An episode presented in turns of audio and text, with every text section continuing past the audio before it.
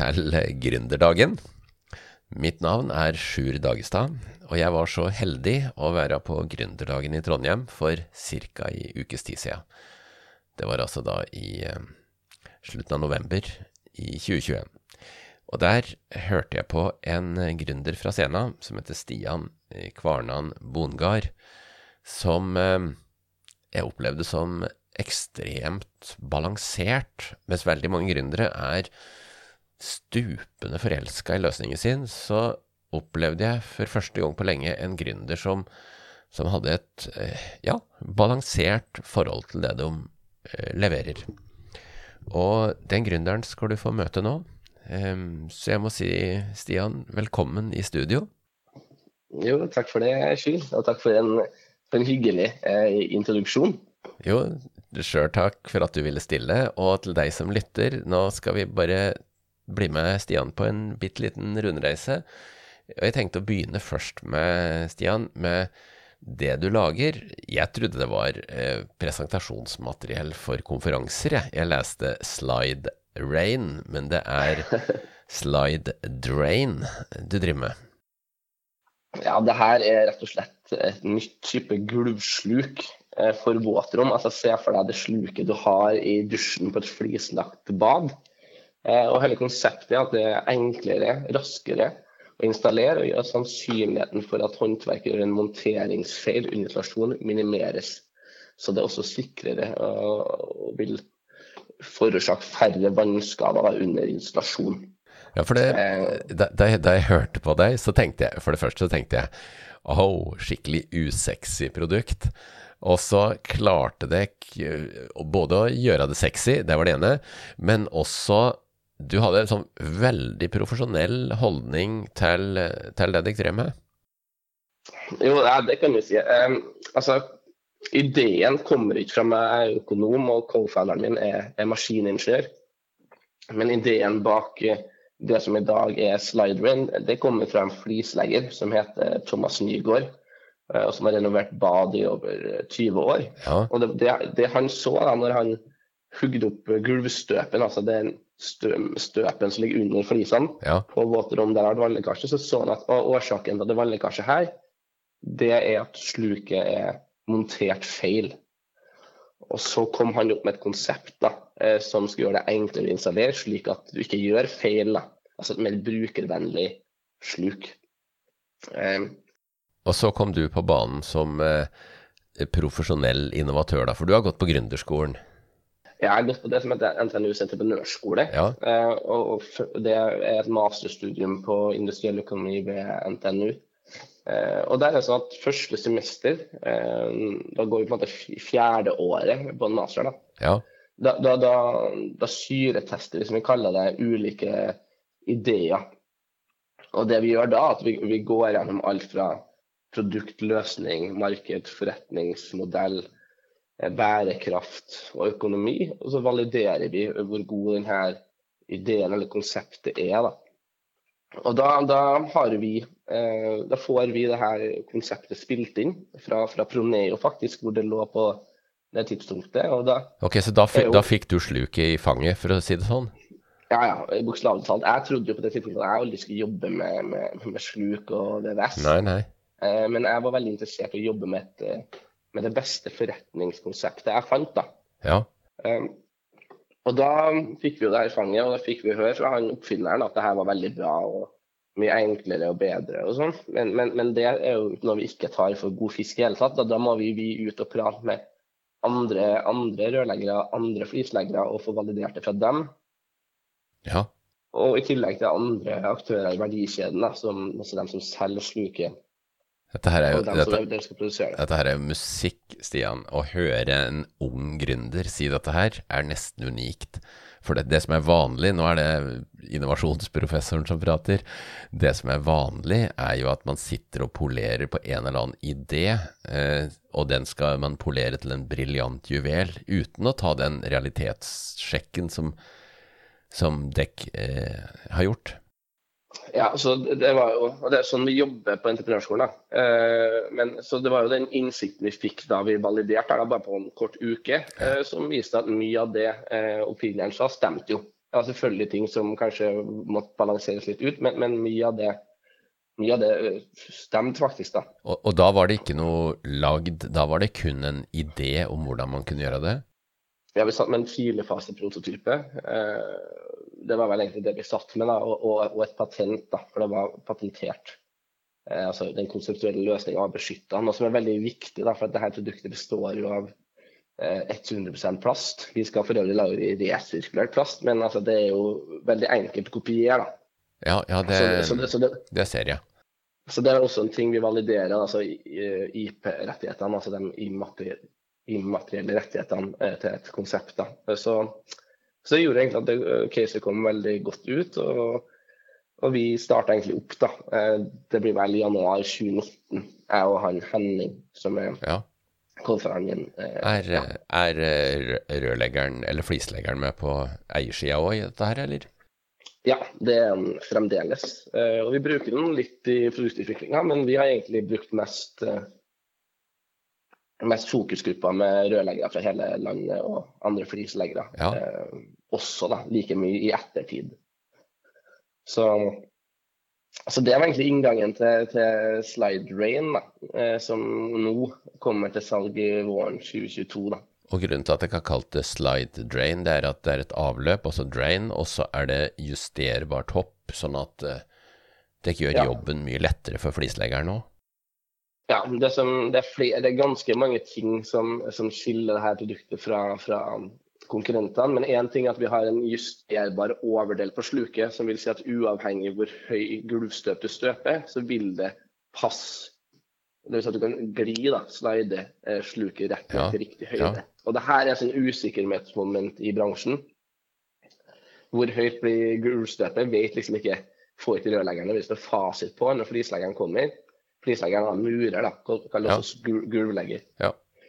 Eh, og det gjør at eh, etter gulvstøp så er det avvik mellom der hvor sluket er montert eh, og hvor høyt gulvet har blitt. og Da må man kjøpe en ekstra komponent som både tar tid, fordi at Da er kanskje rørleggeren som har ansvar for å kjøpe inn her, han er på et annet prosjekt. Mm. Så han må dra derfra innom grossisten, kjøpe en ny del, og den delen koster jo like mye som sluket i utgangspunktet, så han dobler dem. Ja. Unnskyld, jeg må bare, bare han, han, dobler de materielle kostnadene han har, i tillegg til ja, bruker ja. ganske mye arbeidstid. Ja. Så det som ene momentet, og det andre er at vi har fjerna klemringen, som er hovedårsak til vannlekkasjer på, på sluk. Ja. Eh, der vi har en påsveisa, eh, eller den blir, den blir, tatt på i, i støpet, da, altså en integrert slukmansjett. Ja, de som, eh, som, de som, skal ha klemring, de har det integrert i støpen? Vi, vi har ikke ja, vi har ikke klemming i hele tatt. Vi fester sluttmansjetten i støpen ja. eh, av produktet, så, som gjør det vesentlig sikrere. Og, og, og det, det, siste er at vi har laga et eget monteringsverktøy da, til, til, montering. Ja, det var innmari smart. Altså, ja. En egen forskaling da, med vater og en sånn forskalingsring som gjør at du får spor i støpen som optimaliserer det her høydejusteringa. Jeg jeg må jo si som maskiningeniør og som en som har drevet litt med sluk, så når jeg så på det, så tenkte jeg fy søren, dette her, her har ikke tenkt litt, og det var innmari smarte greier. Jo, nei, takk for det. Vi har jo ja, han, han rørleggeren, flisleggeren eh, Thomas Nygaard har jo kommet opp med et kjempekonsept. Og så etter det så har jeg og Henning, ja, som er som er maskiningeniøren i teamet vårt. Vi har gått og prata med ufattelig mye rørleggere og tatt nye innspill. Da. Og, og egentlig ut, fortsette å designe konseptet da, ja, slik at ja. det er så optimalt som mulig. Eh, så ja. det fikk vi faktisk en designpris for i vår. Ja, den Doga-prisen? Ja, så det var jo veldig kult. da. Vi, vi, var, vi visste ikke helt hva det var da vi støkte, egentlig. For vi tenkte at nå søker vi på det her, og siden de Doga deler oss ut penger, men så var det ikke en pris, og så har egentlig det gitt oss masse oppmerksomhet og vært så kult, da. For det var visst en eh, litt høythengende ja. pris for, pass, for designer. Pass på én ting nå som dere har fått pris. Jeg spurte studentene mine for en del år siden er det noen varsellamper som eh, vi bør være klar over. Og da kikka de etter hva er det som kjennetegner fiasko og Altså at noe har skjedd.